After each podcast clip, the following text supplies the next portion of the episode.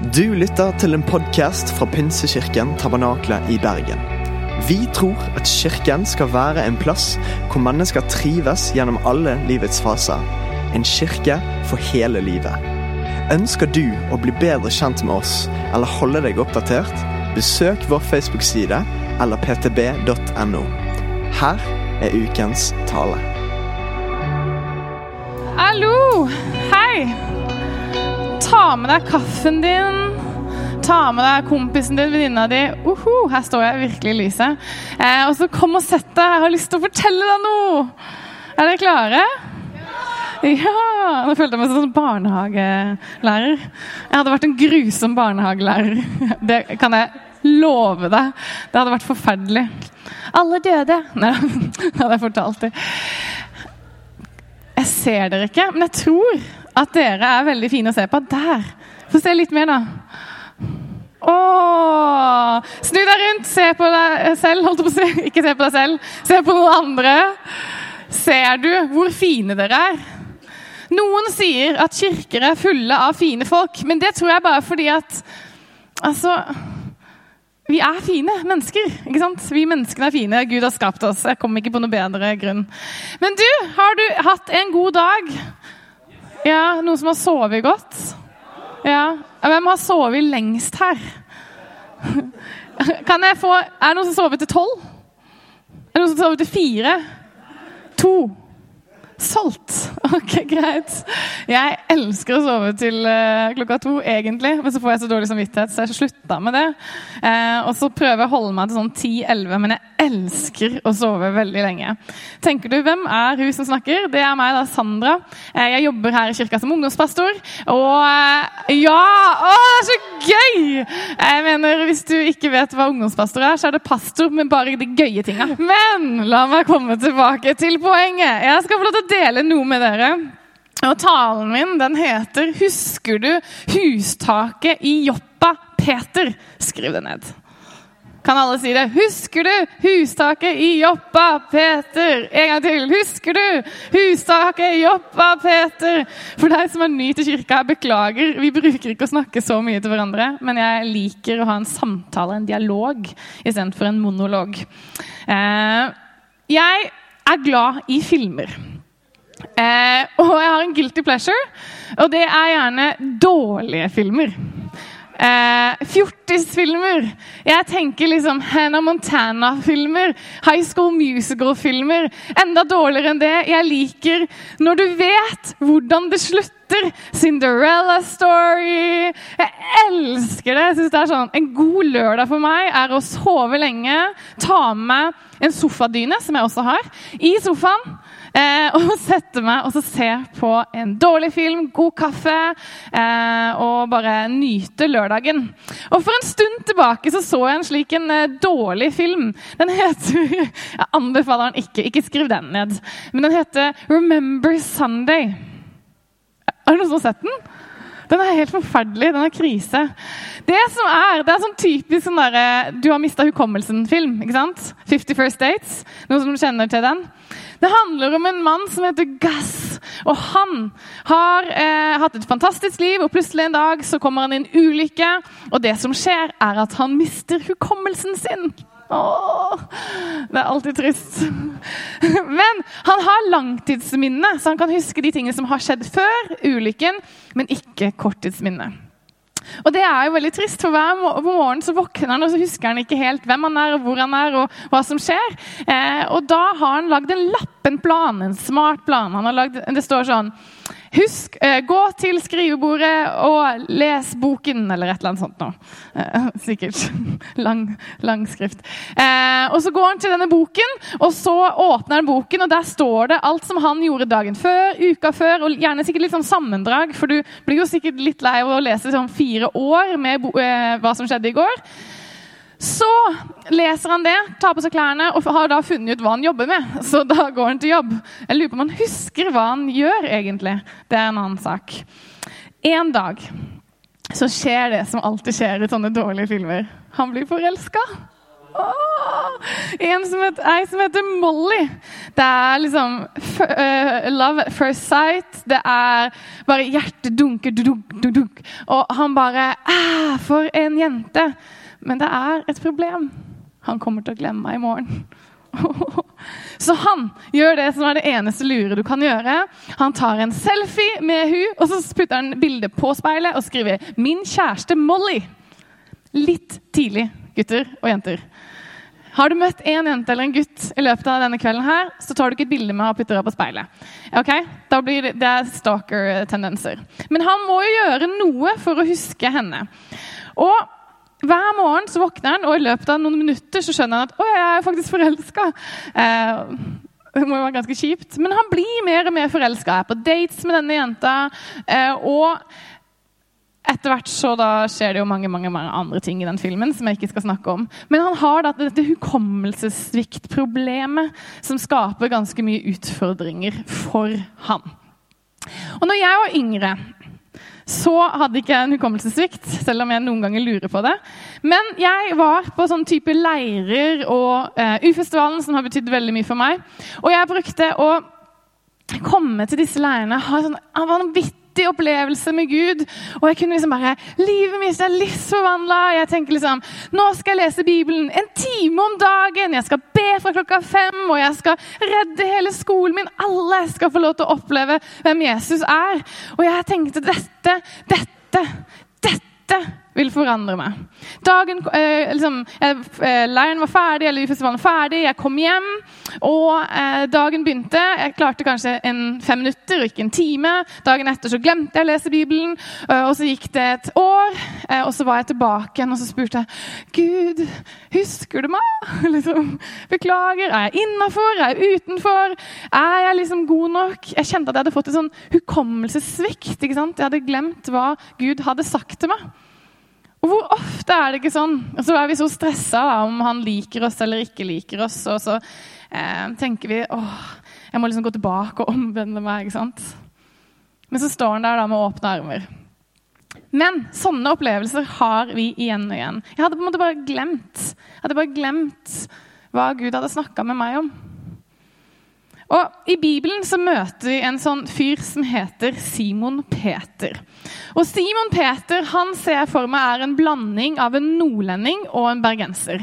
Fordi han, han er høylytt, og for deg som er bergensere, ikke høylytt, på tide å jobbe med det.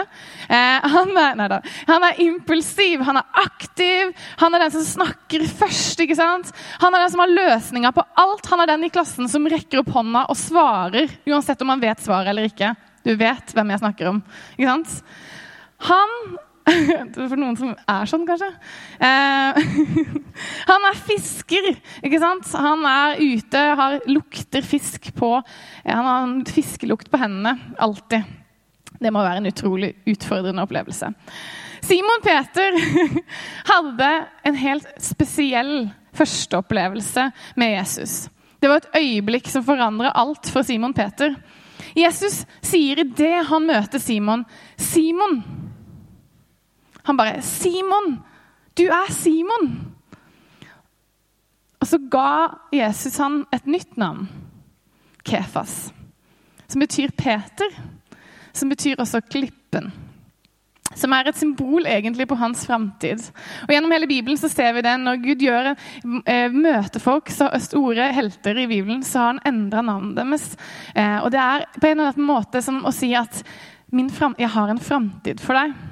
Kanskje, kanskje, du er her og trenger et navnbytte. Kanskje du trenger å, få høre at du er noen med en framtid. Kanskje du kommer inn her og tenker jeg vet ikke om jeg faktisk har en framtid. Jeg har lyst til å utfordre deg til å tenke.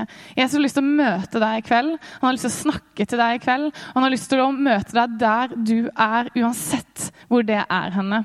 Han har lyst til å endre ditt navn til å kalle deg sin og det tror jeg kommer til å skje i løpet av kvelden. Det tror jeg noen trengte å høre.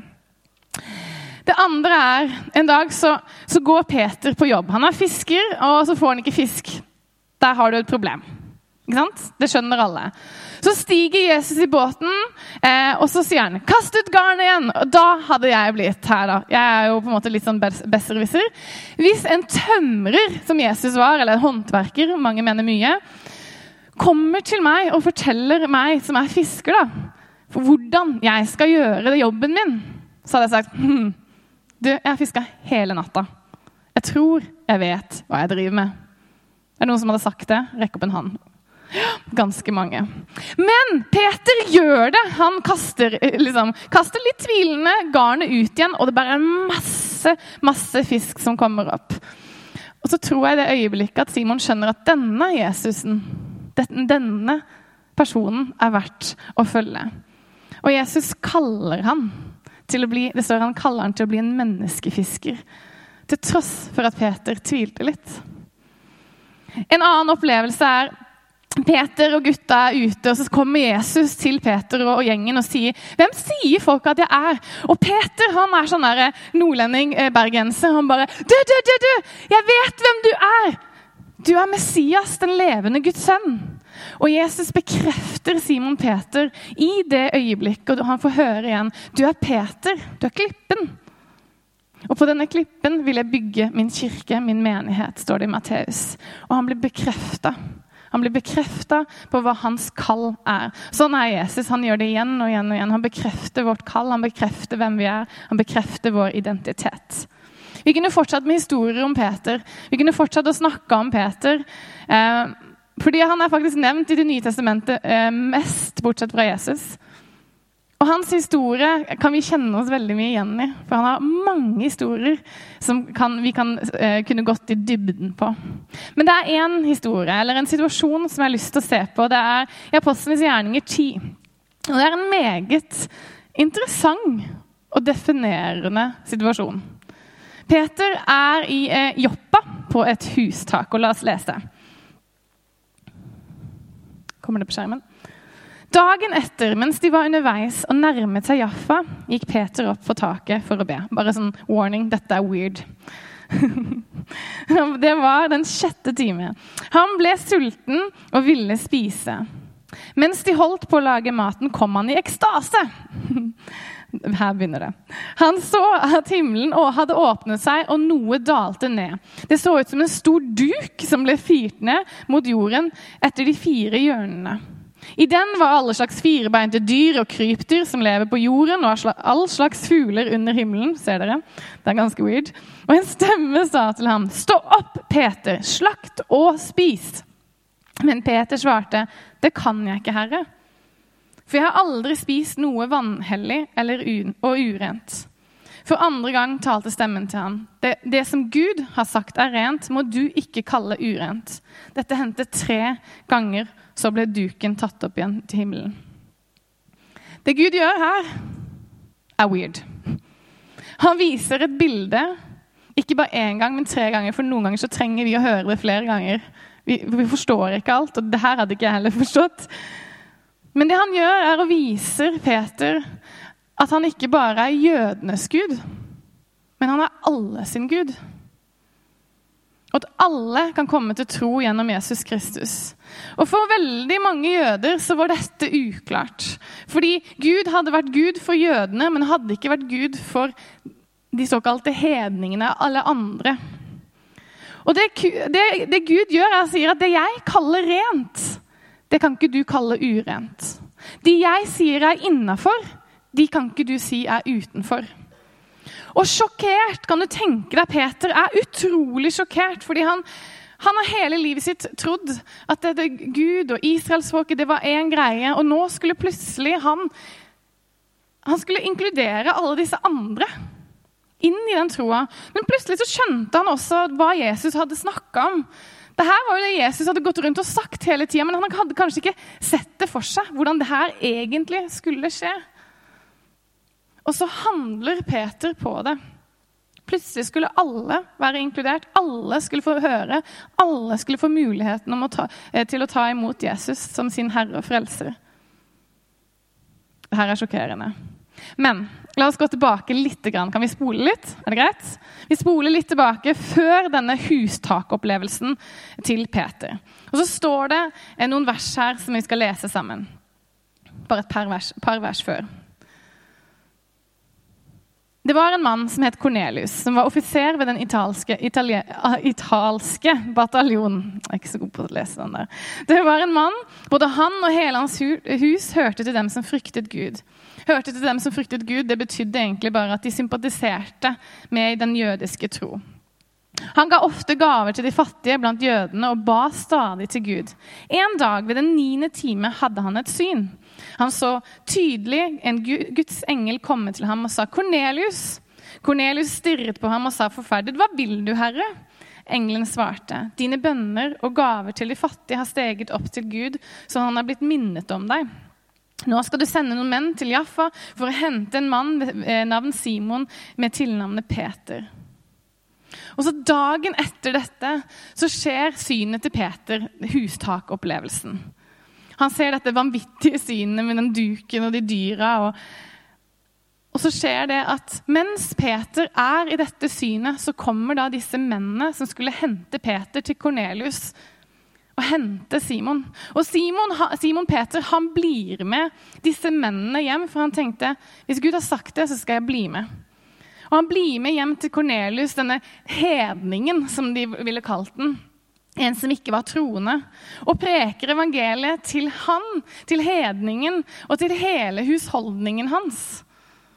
Og de blir frelst, de blir døpt i vann og døpt i ånd, i Den hellige ånd. Og Guds ord blir oppfylt. Gud sa, Peter gjorde, og hans ord ble oppfylt. Disse såkalte hedningene hadde fått lov å kjenne at de var innafor. De hadde blitt inkludert i denne mesterplanen. Og det vi ser der, er at hele Peters hans, hans praksis endrer seg. Og Gjennom hele apostelens gjerninger ser du da en Peter som, som gjør noe som han ikke har gjort før. Han forkynner evangeliet til alle som vil høre, til alle som vil ta imot. Til og med de som ingen ville preke til, ingen, eh, som ingen ville snakke til, til de som ingen ville engang se på. De ville han ha med. Han hadde det som skjedde på hustaket i Joppa, så utrolig friskt i minnet. Han huska det Gud hadde sagt, og Gud bekrefta det igjen og igjen og igjen ved at mennesker tok imot Jesus. Og det, var, det skjedde masse. Han huska Joppa, hustaket i Joppa. Og Jeg har lyst til å spørre deg i kveld hva er din hustakopplevelse? Kanskje ikke du hadde en duk som kom ned, og det var masse dyr på det. For det hadde vært litt eh, creepy, må jeg tørre å innrømme. Men hva var den opplevelsen som skapte et skifte i deg? Den dagen Gud viste deg hvem han var, litt mer, eller han minner deg på at det talentet eller den gaven som du har, det som du er flink på, det som du tenkte bare det er umulig veldig mye Det skulle Jesus få lov til å si til deg at han, han har tenkt å bruke det til noe stort. Eller at du skulle kanskje få lov til, at du opplevde at Gud minte deg på at en dag skal du få lov til å ha en familie som skal bety noe for hele gata. Det skal være et trygt sted for flere barn i gata enn bare de barna som du selv har. Eller du skal bli en politiker som er med å endre noe i samfunnet, i byen din, i landet ditt. Eller du skulle eh, starte en eller annen business som skulle gjøre det bra for andre mennesker. Eller at du skulle få lov til å få et ord som kanskje skulle bety en forskjell for en person og en familie, og det ville ha en dominoeffekt. Har du kanskje hatt sånt, en sånn opplevelse? Hvor var du da Gud snakka noe til deg? Nå snakker jeg ikke om sånn, en høy stemme, sånn som jeg bruker nå, men jeg snakker om en, en innskytelse eller en, en, sånn tanke som bare Oi, den, den, var utenfor det jeg bruker å tenke. Jeg bruker å tenke på meg, meg, meg, meg. Men det, var, det handla om andre. Hvor var du når noe forandra livet ditt eller kursen din? Kanskje du tok imot Jesus, og det endra alt i livet ditt. Når jeg snakker om kall, så handler det egentlig ikke noe annet enn om å bruke de gavene og talentene og det som Gud har lagt på ditt hjerte, til å ære Han og bringe evangeliet til andre mennesker. Bringe de gode nyhetene til andre. Kanskje var du på rommet ditt og du kjente at Gud ga deg en tanke, eller kanskje du var ute i marka og du bare opplevde at det var et eller annet som bare festa seg i hjertet ditt. At den, pappaen din han skulle få ta imot Jesus, eller at, at søstera di skulle bli helbreda. Eller det skulle være noe som skulle endres. Det var noe som skulle skje. Eller at du skulle bli misjonær. når Du så, du så en misjonær en gang, og så tenkte du det tror jeg faktisk jeg skal bli. Hvor var du henne da? Hvor enn og hva enn det er, så har jeg lyst til å oppmuntre deg til å fortsette å tro. Fortsette å gå på det. Fortsett å, å gi det til Gud. Og kanskje vil det ta dager, kanskje vil det ta måneder, kanskje vil det ta år. Og uansett hvor lang tid det tar, så fortsett å tro på det. Min hustakopplevelse er Jeg var 16-17 år, og jeg var på U-festivalen. Og jeg sto i, i, lovsangen, og helt fremme Jeg tror det var liksom her, et eller annet, eh, typisk meg foran. Eh, eller så følger jeg ikke med. Eh, og så opplever jeg et eller annet, og jeg kan ikke forklare det. Det er ikke noe, er ikke noe sånn stemme, det var ikke noe skrift på veggen. det er Noen ganger så jeg lurer på sånn, stemmer det at jeg opplevde det. Men jeg opplevde at Gud minte meg på at en dag skal du lede den festivalen. Og For en 16-17-åring så var det et ganske stort bilde. Så gikk åra. Jeg flytta til Australia, og jeg kom tilbake. Og plutselig, for tre-fire år siden, så, tre år siden, så sto jeg der og hadde eh, leda U-festivalen allerede et år og skjønte at oi, jeg er der Gud sa jeg skulle være. Det hadde vært min hustakopplevelse. Og det ti år er det jeg kaller et raskt svar. vil jeg bare si til deg. Fordi israelsfolket det tok mange hundre år før de fikk denne Messiasen, denne redningen, denne kongen som skulle komme. Josef tok det 13 år før han ble statsminister. Hvis det er noen som har lyst til å bli statsminister, det tar litt tid. Abraham og Sara, og vi, vi, vi, snakker aldri om Sara nesten når det handler om, om, det barnet som de skulle få, sønnen Isak. Men Sara venta i 25 år for å få det barnet. Når det var helt umulig, så skjedde det. Altså, det var fysisk helt umulig. Hun var liksom død på innsida. Fortsett. Fortsett å tro, for den er trofast. Vi har sunget om det allerede i dag. Stor er din trofasthet. Dine løfter de står fast. Og Det står i Filipperne 1,6 at jeg er trygg på at Han som har begynt sin gode gjerning i dere, skal fullføre den helt til Jesu Kristi dag. Fortsett å gå. Fortsett Kanskje du ikke ser det her gjennombruddet eller det som du ønska skulle skje. Men vet du hva? Det var en som sa det her til meg. Gud bruker ofte veldig lang tid på å gjøre noe veldig fort. Det er bare sånn tenk, ah, vente, vente, vente, Plutselig bare sånn Oi, her var det! Ja. Og så Noen ganger så tenker vi ikke over at vi er i det bønnesvaret som vi hadde bedt om. Eller det, det løftet som vi hadde, hadde, gått og båret på. Ok, La oss spole litt fremover i historien. Vi er i Galaterbrevet i Det nye testamentet. Og Paulus, ikke Peter, han skriver til en gjeng eh, nye kristne, såkalt hedningkristne, som de ble kalt på den tida. Veldig hyggelig. Eh, og De hadde fått besøk av en del jøder og fariseere og skriftlærde. Eh, og de hadde begynt å tulle med det som de hadde lært en gang. Eh, når disse nykristne hadde blitt kristne, så hadde de fått høre at det handla om hva som Jesus hadde gjort, og ikke hva de måtte gjøre. At de trengte ikke å omskjære seg, som var, var den jødiske tradisjonen eh, for å være innafor.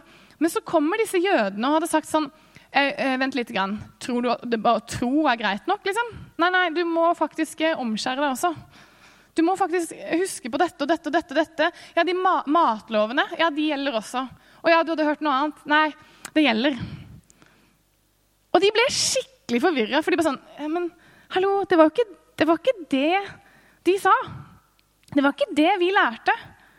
Og så blir de så forvirra. Og så skjer det at Peter Peter og gjengen de nekter å spise med disse nykristne, disse hedningkristne. Og det signaliserer bare én ting. For på den tiden å spise med noen Når vi spiser nå, så tenker vi sånn Ja, jeg spiser med deg, liksom. Eh, det er ikke noe big deal. Men på den tiden så var det, du spiste bare med, med, sammen med noen som var av samme rang som deg. For det første så spiste du sånn fem timer. Veldig lenge. Du lå til bords. Bare ser for deg det. Sug, du var sånn langt sugerør. og så eh, lå de der til bords og spiste sammen. Men Peter og disse fariseerne ville ikke sitte med disse nye kristne. Og det signaliserte én ting. Peter sa egentlig da jeg er en ordentlig kristen. En ordentlig jøde, en ordentlig gudstro mann. Men dere, dere er sånn Ikke helt innafor. Dere er ikke helt innafor. Dere er en lavere rang. Det var ikke det han sa med sin munn, men det var det han signaliserte. Og så kommer Paulus da, som skriver dette her, og han smasher Peter foran alle. Altså, Jeg liker når folk tar meg til tides, men Paulus han bare Hør her! Skjønner du hva du driver med nå? Hallo! Husker du hustaket i Joppa, Peter? Og Paulus utfordrer han i Galaterne 2, 11-21 og sier, Hei, kom deg tilbake til det du først forkynte. Kom deg tilbake til evangeliets kjerne. Kom deg tilbake til der det handla om Jesus og hva han har gjort for oss. At evangeliet det er for alle. At når du sier ja til Jesus, så kan du sitte til bords med alle. Vi står alle helt likt, og ingen er bedre eller dårligere kristne. Fordi frelsen er av nåde alene, ikke av gjerninger. Og du kan aldri gjøre deg god nok. Du kan aldri ta på nok parfyme, ta på noe finere kjole, gifte deg med en prins eller Det funker faktisk ikke. For vi står helt likt. Og så står det i vers 16 men vi vet at ikke noe menneske blir rettferdig. Og rettferdig betyr bare å, altså, å stå rett, altså være Gud, med Gud. For Gud ved gjerninger som loven krever. Bare ved troen på Jesus Kristus. Derfor satte også vi vår lit til Kristus Jesus. Så vi skulle bli kjent rettferdige ved troen på Kristus og ikke ved lovgjerninger. For ikke noe menneske blir rettferdig ved lovgjerninger. Peter måtte komme tilbake til basic. Han måtte komme tilbake til utgangspunktet igjen. Han måtte komme tilbake til hustaket i Joppa. Han måtte huske.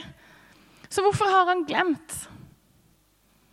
Fordi inni mitt hus tenker jeg sånn Hvis det hadde kommet inn en duk med masse krypdyr på et hustak i Joppa, for den saks skyld, for meg, så hadde jeg kanskje huska det. Og hvis jeg hadde sett masse mennesker ta imot Jesus pga. dette her, så hadde jeg tenkt at det må jo være en god idé. Så hvorfor har han glemt? Og En kan lure litt og en kan spekulere. og Når man leser Bibelen, så tenker jeg legg til litt sånn, legg til litt farger. Legg til litt sånn, Prøv å spille det litt ut. Prøv å være liksom én person her og én person her. og Spill det ut noen ganger. Jeg tror at Peter ønska å bli godtatt av de store gutta. Kanskje han ikke, noe, han ikke, hadde tatt noe bevisst valg om å, om å, glemme, men så går dagene. ikke sant? Tida går, og du vil henge med de riktige personene. og Så begynner du å ligne litt på det. ikke sant? Har du lagt merke til at Hvis du, du henger med noen mennesker, så begynner du automatisk å plukke opp ting som de sier? Det er sånn typisk eh, østlendinger eller eh, sørlendinger som flytter til Bergen og får sånn rar dialekt. Jeg har en rar dialekt. Jeg vet at jeg sitter i glasshus. Men at de bare de tar til seg Eller hvis du er liksom en gjeng, så har de alle samme latter. Ikke sant? Ja. Altså, det er et eller annet med det. Eller det er en ting som de begynner å si. Jeg var i, i, i Sandnes, og ungdomspastoren der, han sier alltid «Scan nice». Og da hadde liksom, møtte jeg Thomas på 18 år, dritkul fyr, som henta meg på flyplassen. Og han bare 'Scam-nice'. Og da skjønte jeg hvem som var hans helt. ikke sant? Det måtte jo være den andre Thomas, som han også het, som var interessant. Alle som heter Thomas, går i sentrumsen da. Eh, og kanskje så er det sånn at når vi henger med noen mennesker, så tar vi etter dem. ikke sant? Kanskje Peter følte seg pressa Kanskje han var redd for at hvis jeg spiser med disse menneskene, disse galaterne, så, så, vil ikke gutta være venner med meg. Og jeg er litt sånn usikker på om det er greia. Kanskje han ville miste sin status. Han var jo bare en fisker, ikke sant? men nå hadde han fått litt sånn status. Kanskje han hadde kjortel på seg. ikke sant? Og bare eh, kjortel. Alle hadde kjortel på seg. Det var ikke noe big deal. Kanskje han hadde det sånn Jeg vet ikke. Langt hår. Eh, kanskje de skriftlærde som han hang med, hadde veldig mange store fremmedord. Så det ble litt vanskelig for han. Eh, de klarte å argumentere. Har du vært med noen sånne mennesker som bare er utrolig gode på å argumentere, og du bare sitter sånn Ja, det er vel sant, det, da. Men så etterpå sånn Hæ? Det stemmer ikke. Kanskje han hadde vært litt for mange med sånne gode eh, gutter som argumenterte veldig med de største, lange fremmedordene. Du vet ikke hva det betyr engang, så du, liksom, du, har ikke lyst til å høre dum ut. Eh, så du bare Ja. Alle har vært der. Det er som å begynne å studere første dag på studiet. Du bare skjønner ingenting. Du må søke opp annethvert ord i den teksten du skal lese. Kanskje hadde han begynt å tvile. Kanskje han trodde at faktisk du måtte bli sånn ordentlig jøde først for å så kunne bli en kristen. Det er ikke godt å si hva som skjedde, men vi vet at Peter han trengte å skifte gjeng. Han trengte å være med noen som fortalte han hva han egentlig mente. Husker du, Peter? Husker du hva som skjedde? Og Paulus han er tøff. Han er en sånn venn som alle bør ha. En som forteller sannheten. Har du glemt hva Jesus har gjort? Har du glemt hva Gud viser deg på det taket? Kom deg tilbake! Jesus har faktisk sagt det til deg. Så hva nå? For jeg tror kanskje mange av oss har glemt en del av de tingene som Jesus har snakka til oss. Eller vi har hatt en opplevelse av at eh, har, det er noe som, som, skjedde en gang, og så, tenk, ah, så, gikk tida, og så begynte du å tvile på at det i det hele tatt kunne skje. Eller du, du begynte å tro litt grann, og tenkte ah, kanskje det var. Det finnes en Gud. Og så, og så, skjedde det en del ting, og det var en del dumme ting som skjedde, så du bare la det til sides, for det kunne umulig være en Gud. Men så vet du egentlig innerst inne at den lille troen som du går og bærer på, egentlig er er noe som du må ta opp igjen. Så hva nå? Nummer én, du trenger en Paulus. Du trenger en person som forteller deg hvor landet ligger henne. En som har vært der når du var på hustaket. på en måte. Det første du gjør når du har vært på hustaket, er å gå og fortelle til én du kan stole på, eller flere. Og så, når du, du, begynner å vandre litt sånn ut, så kommer de og tar deg inn igjen på banen og sier men, men Sandra, det var dit du skulle, var det ikke det? Jeg kan si det at jeg kan se på vennene dine. Vis meg dine fem nærmeste venner, og jeg kan fortelle deg hvordan framtida di blir. Er jeg en spåkone? Nei. Det kreves ikke mye. Har du dårlige venner, så går du ned en dårlig vei. Det er ikke, det er ikke sjokkerende nyheter her. Det er ikke det. Nummer to. Dette er litt rart. Bygg deg et alter. Og da mener jeg ikke sånn fysisk. Skaff deg noen steintavler. Det er veldig tungt å bære på. Og sånn, ja, hustaket. Så går det bortover. Men jeg tror det er en grunn til at Gud ga loven på noen steintavler. Fordi at det ble så veldig fysisk. Eller i Gamletestamentet så, så Når folk hadde den opplevelsen med Gud, så bygde de noen steiner oppå noen steiner. Og så kan man tenke sånn Det er en veldig rar ting å gjøre. Men det er noe fysisk å komme tilbake Å, ja. Mm, da får vi fortsette. Det er noe som kan holde deg on track. Det er noe som forteller deg og nå holdt jeg på å glemme, men så var jeg tilbake her, og da huska jeg det. Og I Habakuk, en bok i Bibelen som jeg elsker, så står det det når Habakuk får et syn eh, eller får noe fra Gud, så sier Gud, skriv det ned.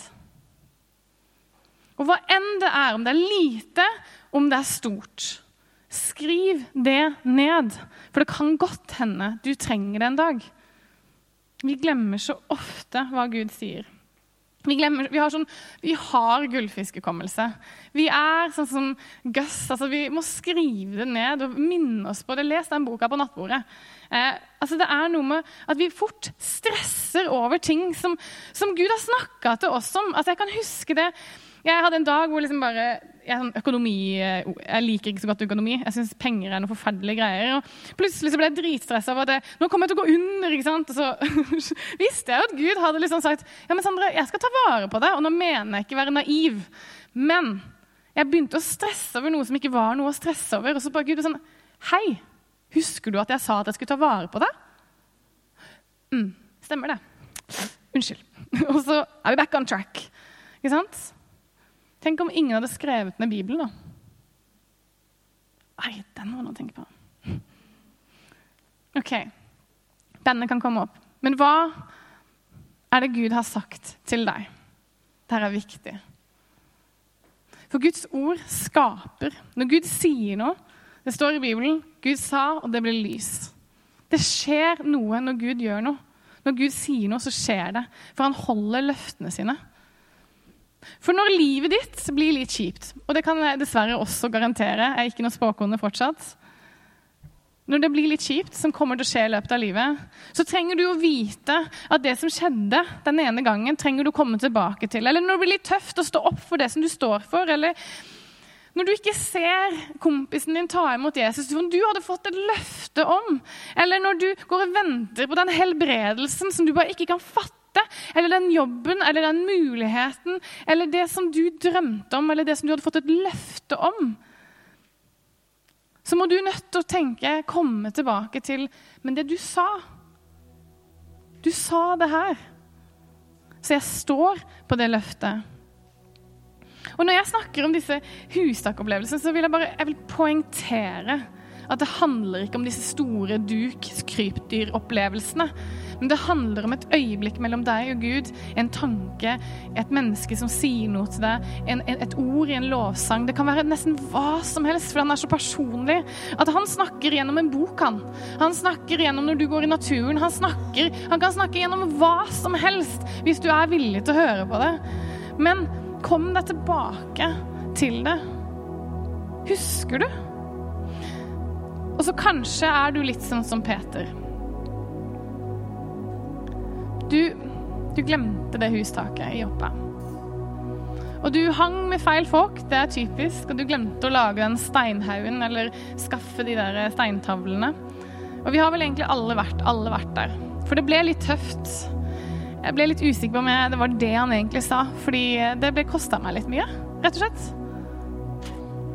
Du skal vite det, at Peter, han fornekta Jesus flere ganger. La oss hoppe tilbake i Bibelen og historien litt. Du finner Jesus den dagen han blir tatt til fange og torturert og hengt på et kors. Og Peter, klippen, stødig og stabil, han, han fornekter Jesus tre ganger også på den viktigste natta. Det var da det virkelig gjaldt. Jesus dør, står opp igjen, og så er Peter på en strand ved Tiberiassjøen. Så kommer Jesus, møtene, møter han. Og så sier Jesus Jeg kan se for meg Peter bare kjempenervøs og litt Ei, jeg har bomma skikkelig. Så ser Jesus på han og så sier han, 'Elsker du meg, Peter?' Herre, du vet at jeg elsker deg. En gang til. Elsker du meg, Peter? Du vet jeg elsker deg. Elsker du meg, Peter? Du vet alt. Selvfølgelig. Jeg elsker deg. Og i det øyeblikket så er Jesus Han er bare åh, så vakker. Fordi han gir deg en mulighet til å gjenopprette. Han, han får nekta tre ganger, men han får lov til å fortelle igjen. 'Jeg elsker deg'. Og igjen og igjen og igjen så bommer Peter. Men Jesus han bekrefter Peter og sier 'du er klippen' en stødig og stabil, og på deg vil jeg bygge min kirke. Og han bekrefter hans identitet og hans kall igjen, enda etter at han hadde skikkelig bomma. Og det som er så kult, er at Peter er sånn som oss. Vi bommer noen ganger. Vi detter av lasset, og vi, vi, vi, gjør ting som er feil noen ganger. Men så, så tar det ikke vekk fra det som Gud har gitt oss, og den vi er. Så lenge vi kommer tilbake til Jesus, så kanskje ikke Peter følte seg som klippen, kanskje ikke du føler deg som den klippen eller den personen som du burde være. Men det er, ikke, det er ikke det som er det viktigste, for det er relasjonen mellom deg og Jesus som er det viktigste. Ikke det du kan gjøre for han. Du er ikke en ansatt. Du er ikke ansatt av Gud. Du får lov til å være med på en spennende ting, men du er ikke ansatt. Og Gud tar ikke tilbake tittelen sin som ditt barn. altså sånn og der dreit du deg ut. Nei, da ble du nok en kusine. Ikke sant? Han, han, tar ikke tilbake tittelen som Guds barn. Han gir deg en sjanse, en ny sjanse, en ny sjanse igjen og igjen. Og så minner han deg på hustaket gjennom andre mennesker, gjennom Bibelen, gjennom møter som det her. Og så, så viser han at det, det er en vei videre for deg. Og han er så full av nåde. Han er litt sånn som dårlig eksempel. Men han er som en sånn eh, han i sånn bilspill. ikke sant? Du vet når du bommer og kjører utenfor eh, veien, så, no, så, er det en handa som bare Og så kjører du videre. Litt sånn er Gud. Du har så mange, evig, evig mange sjanser. Evig mange sjanser. Han står der med åpne armer, han har nåde.